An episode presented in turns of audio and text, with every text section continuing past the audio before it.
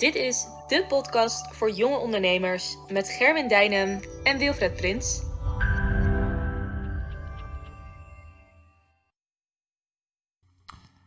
Gerwin, goeiedag. Het is weer uh, de hoogste tijd voor een podcast van ons. Zeker, hartstikke mooi. Want we hebben natuurlijk een eerste reeks van ongeveer 10 afleveringen gedaan. En uh, omdat het zo'n ontzettend groot succes was, uh, ja, gaan we dit weer een beetje oppakken. En met name ook om, uh, om potentiële collega's eigenlijk te laten weten hoe, uh, wat wij doen.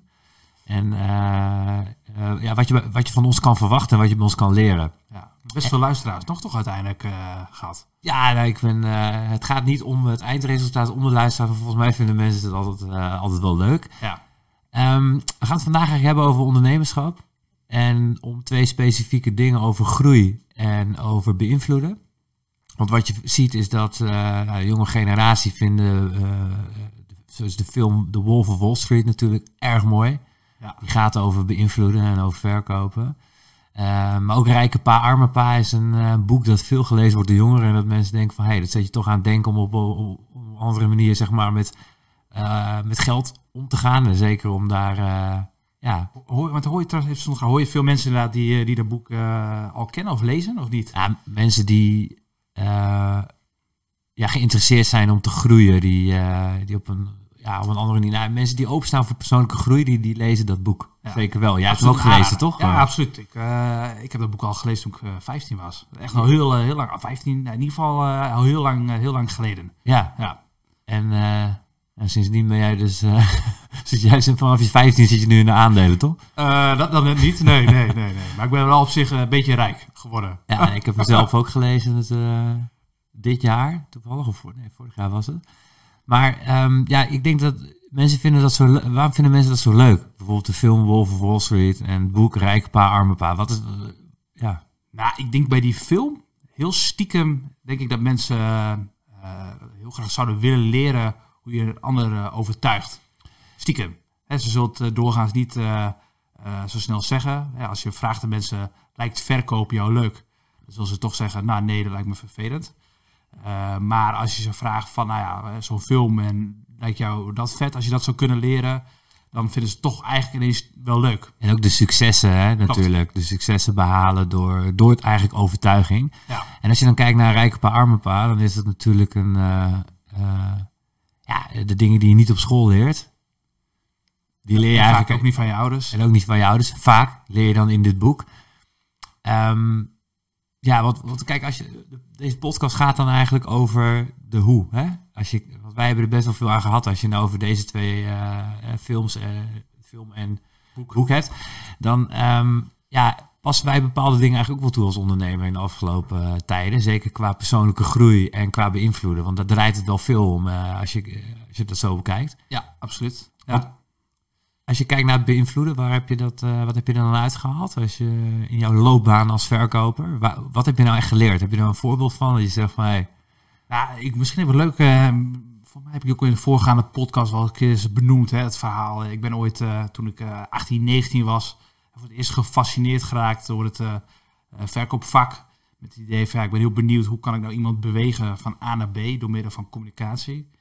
En het heeft mij als persoon heel veel gebracht. Ik denk voor jou uh, ook, toch?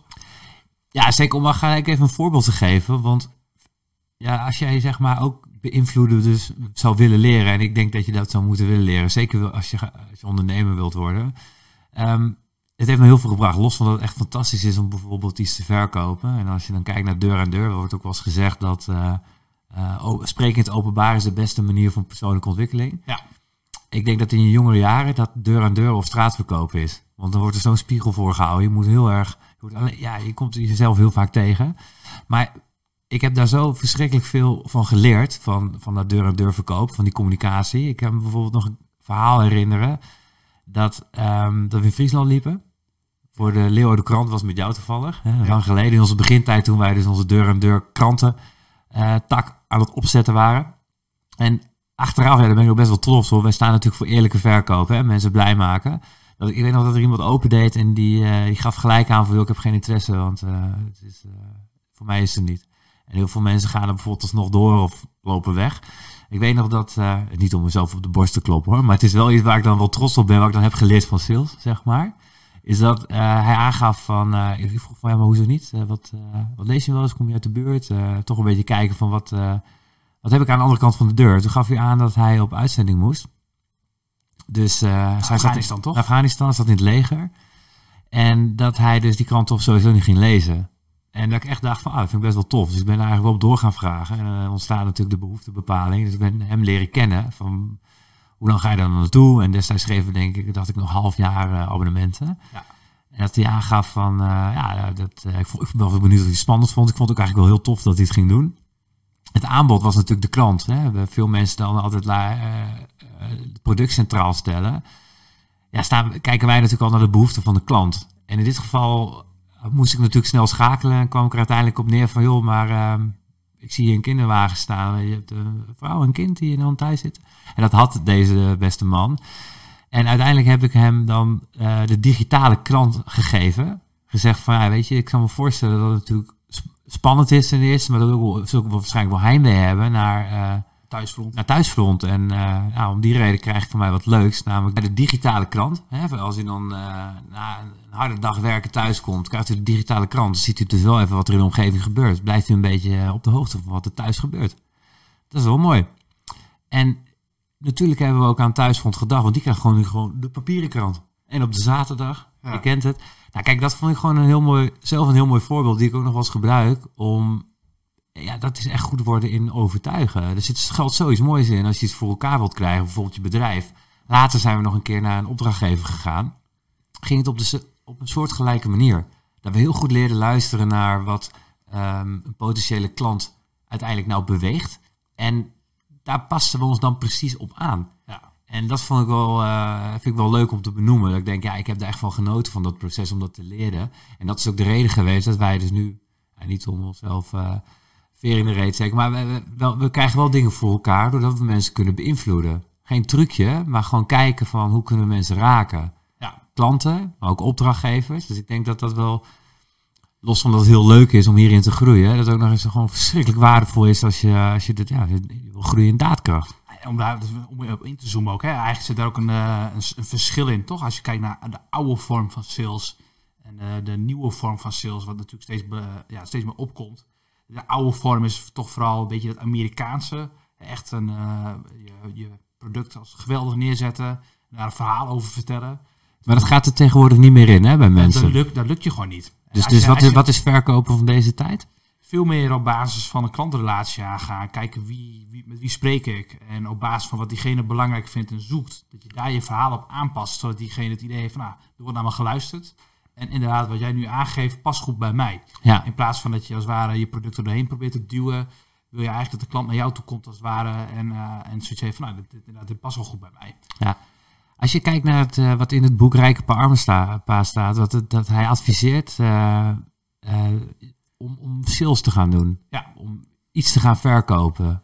Hij Maar- helemaal met van die stripboeken, toch? Dan- Ja. Dan leert hij dan als allereerste dat je eigenlijk voor 0 euro in de supermarkt moet gaan werken. Ja, dat, dat hij dan eh stripboeken, eh, of tenminste, daar komt hij dan uiteindelijk zelf op, te- op uit. En Ja. dat hij daar eh, op die manier alsnog wel geld kan, eh, kan gaan verdienen. ja, Dus daar waar anderen als ware rommels zien, oude stripboeken, ziet hij een, ziet geld. Een van denkwijze die dan veranderde. Ja, En eh, maar ik vond het wel mooi dat hij dat adviseerde. We krijgen ook bijvoorbeeld bij ons bedrijf eh, vaak mensen die, die dit boek hebben gelezen. Die om Ja. die reden dus zeggen van ik wil dit leren. Want die, zijn, die zien ook de noodzaak in waarom sales zo belangrijk is voor je ontwikkeling. ja. Zeker als je wat wil. Nou, als je bijvoorbeeld in de toekomst salarisonderhandelingen wil doen of ergens solliciteert. Want alles is gewoon uiteindelijk verkopen. Of Alles. in ieder geval overtuigen. Ja, toch? Want je klopt. moet uiteindelijk eh, je producten verkopen. Dan moet je mensen zien te overtuigen. Sterker nog, ik denk dat in elke fase van je leven het is belangrijk dat je zoiets eh wilde leren überhaupt. Ja. Of je nou eh, eh, iets bij je docent voor elkaar wil krijgen, bij je vader en moeder voor elkaar wil krijgen. En dan helemaal op een. Ja, op, op een ethische manier. Hè? Dus niet, het hoeft dus helemaal niet truckerig. Maar beïnvloeden. Dat is, ja,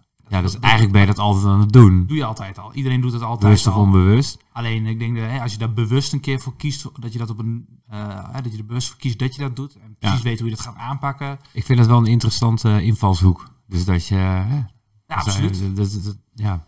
Maar daarom joh, ik heb er zelf als ik hè, wat je vroeg ook aan mij van eh, wat, wat heeft het jou gebracht? Ik vind ik a de mooie verhalen. Eh, de een geschikter om in deze podcast te noemen dan de ander. Eh, Ja. Maar met name gewoon de momenten dat ik bij wijze van bij een. eh, ik vond het eigenlijk het allermooiste ik nog steeds, en dat vind ik nog steeds, is krantenverkoop. Qua, qua project wat, eh, wat wij onder andere doen. Omdat ik het zelf heel lang heb gedaan. Ons bedrijf is erop gebouwd. Maar buiten dat om eh, ook gewoon de manier van verkopen heel, die ik heel leuk vond. En, En, dat- al die momenten dat ik eigenlijk bij, eh, bij wijze van bij, eh, bij een oudje binnen zat van 65 plus.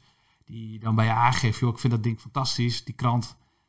Maar ja, te duur, dat hoor je toch wel heel veel. Hè, dat Ja. ze het te duur vinden. Maar toch eigenlijk nog wel stiekem leuk vinden.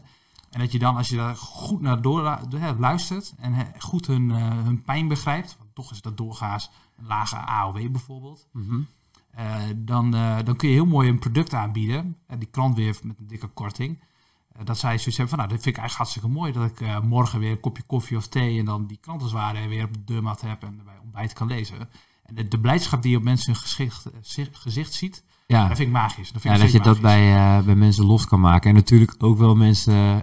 De eh, kleinkinderen verhalen toch? Ja, en, en mensen aanspreken op hun identiteit. Hè. Iedereen is vaak met, zo, met, met een bepaalde krant, eh, zeker met een regiokrant, ja, vaak trots dat hij woont in een Ja. bepaald, bepaald gebied. Het is ook wel tof om te zien hoe je hen daarin in mee kan nemen, waardoor het uiteindelijk ook heel logisch is om zo'n krant te gaan lezen. Dat is inderdaad die identiteit is, ik ben een echt... eh, Dan zou je daar hè, aan, als je dat dan niet doet, dan zeg je eigenlijk van, hè, dan is dat niet, het is een beetje in strijd met hun identiteit, omdat ze Ja. bijvoorbeeld een trotse Fries. Fries. Groningen. Groningen zijn. Ja, klopt. En, En dat is- een echte Fries leest nou eenmaal Fries Dagblad. En zeker ook omdat mensen dan zelf uiteindelijk de beslissing maken. Dat is nog het allermooiste, denk ik. Ja, klopt. Als je dan kijkt naar groei.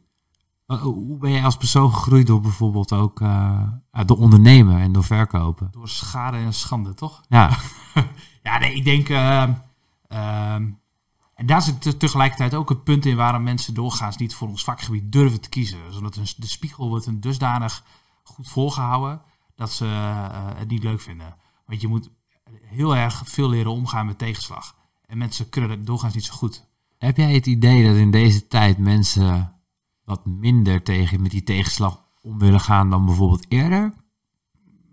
Ik, laat ik zo zeggen, in de omgeving waar ik ben, op ben opgegroeid, was men eerder bereid om met tegenslag om te gaan dan, eh, dan dat ik nu zie. Maar dat is misschien ook de omgeving waarin ik ben opgegroeid. Ja, Maar ik heb eh, wel geleerd dat niks je komt aanwaaien. En dat je gewoon hard moet werken voor wat je, wat je als je iets wil bereiken. maar ik, heb, ik, ik vraag het even omdat ik het aan de ene kant heel interessant vind en heel tof vind dat veel mensen voor zichzelf willen beginnen. Ja. Ik heb alleen wel het idee dat veel mensen wat te snel willen gaan en dan gelijk maar een online marketingbedrijf hebben, willen beginnen. Ja. Zonder dat ze eigenlijk ook gelijk eh, bijvoorbeeld de juiste skills al bezitten om dat bedrijf succesvol te maken. Nou, sterk nog, er wordt wel eens van die, eh, van die getallen eh, benoemd als in de meeste mensen die een bedrijf opstarten binnen vijf jaar. Volgens mij stopt, weet ik hoeveel procent alweer niet? Ja, Heel veel, echt. Het en er zit, er zit een stukje, mis dan soms een stukje daadkracht, denk ik. Nou, 100%. Dus daar, daar zit dat, dat stukje tegenslag wat ik net noemde. Is dat de meeste, meeste mensen kunnen daar niet mee omgaan. Die hebben ervaren tegenslag, moeite, frictie om, om verder te komen. En die gaan dan als een makschaap, leggen ze zichzelf neer en denken, nou, Maar dat, dat is ook wel, wel grappig dat je dat zegt. Want ik hoor dus de laatste tijd veel mensen ook die bij ons binnenkomen en dan voor zichzelf willen beginnen. ja, En als het dan te moeilijk wordt, dan dat men dan stopt. ja. En dat vind ik toch, ik denk, ik vind het vooral heel zonde. Want ja, wij konden niet stoppen. We konden wel stoppen, maar deden het niet. Maar als je kijkt naar wat we eruit hebben gehaald de afgelopen zeven jaar, is dat denk ik wel een hoge mate van zelfreflectie die we hebben ontwikkeld. En dat is niet altijd leuk. En dat is zeker niet leuk. Nee. Want je hebt echt de hele tijd krijg je, heb je een spiegel voor. En dat is best wel pijnlijk. Ja. Soms. Dat Ja. je je eigen geconfronteerd wordt met je eigen falen of met je eigen gedrag. Wat eh, leidt tot bepaalde situaties. Want we hebben denk ik in het verleden ook wel veel gewoon naar anderen gekeken. En dan kom je toch wel altijd weer bij jezelf uit waar je wel invloed op hebt. Ja, En ik vind dat nog steeds een bijzonder interessant proces. En het geeft mij inmiddels wat meer rust. Dat je weet dat je het zelf, eh, hè, dat als iets niet lukt, dat je dan altijd bij jezelf uitkomt.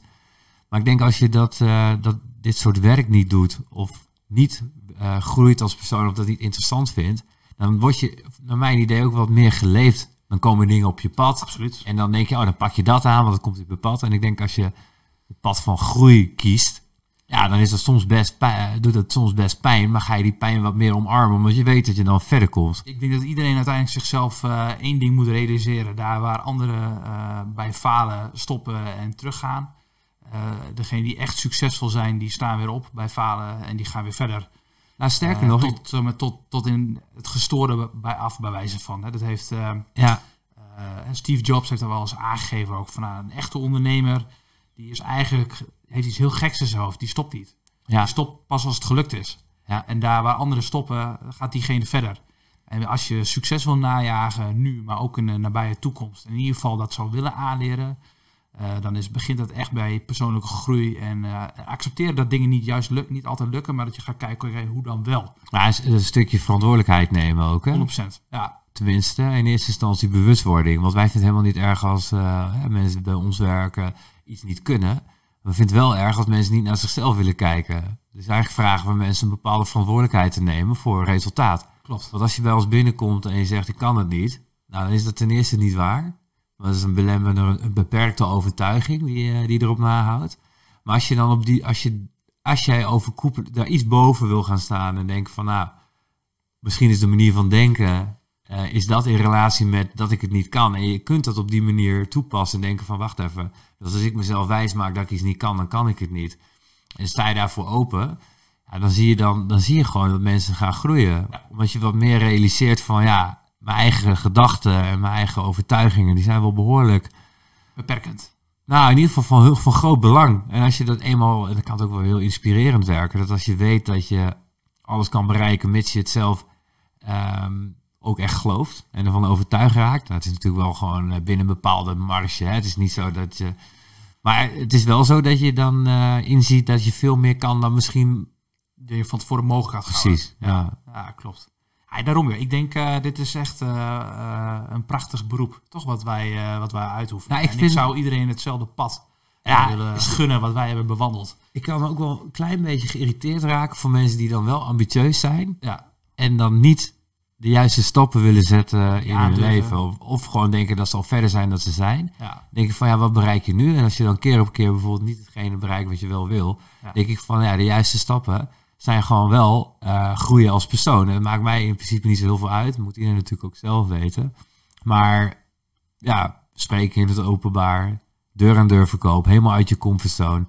Dat vind ik toch wel gewoon eh, wat ons zelf heel erg heeft geholpen. En ik hoop dat mensen dat, eh, dat ook blijven doen ja. en willen blijven groeien. 100%. Ja, toch? En, en, en, en als, je, en als mensen nou denken van, hé, hey, dat is op zich wel interessant. Ik zou er wel iets meer over willen weten. Ja, Waar kunnen ze dan terecht? Ik denk, Ko- ga sowieso even naar onze website. Wij, eh, we hebben nu een, eh, een verkort programma hebben we gemaakt. Zodat je meer leert over hoe je andere mensen overtuigt en beïnvloedt. En eigenlijk de strategieën en de tactieken die je daarvoor kan toepassen. Eh, en daarnaast wat persoonlijke groei eh, nou inhoudt en wat het voor jou kan betekenen. Dus als je zoiets zegt, nou lijkt me interessant. Wil meer over weten, download dan ons gratis programma. want ons vak is overtuigen eh, en natuurlijk ook ondernemen. We leren mensen eigenlijk overtuigen en het worden van ondernemer. Door te beginnen als verkoper, Ja. groeien als persoon. En dat zien wij het liefst, hè? dat mensen die nu binnenkomen uiteindelijk ook gewoon over vier jaar de stap maken Ja. en daadwerkelijk ondernemer worden. En wij beloven dan dat wij je gaan helpen, mits je de juiste ehm, ja, drive hebt, mindset ook en de wil om te groeien, dus de intentie om te groeien. Dan gaan wij je helpen om, eh, om jouw dromen uit te laten komen. Dat Ja. klinkt wel heel mooi, maar dat is wel waar we voor staan natuurlijk. Dus ik hoop ook dat, eh, dat de luisteraars dit mooi vinden en denken van ik wil er in ieder geval wat meer over weten. Dit is in ieder geval onze visie. Stap 1 dus, in ieder geval download ons eh, programma. Download ons programma, kijk daar eens naar wat je daarvan vindt. En als je dat tof vindt, dan ben je altijd welkom om een keertje langs te komen. En dan kijken we verder. Maar in eerste instantie, eh, download het programma. Spreek ik je de volgende keer, eh Jo, Fred. dankjewel hè. Bye.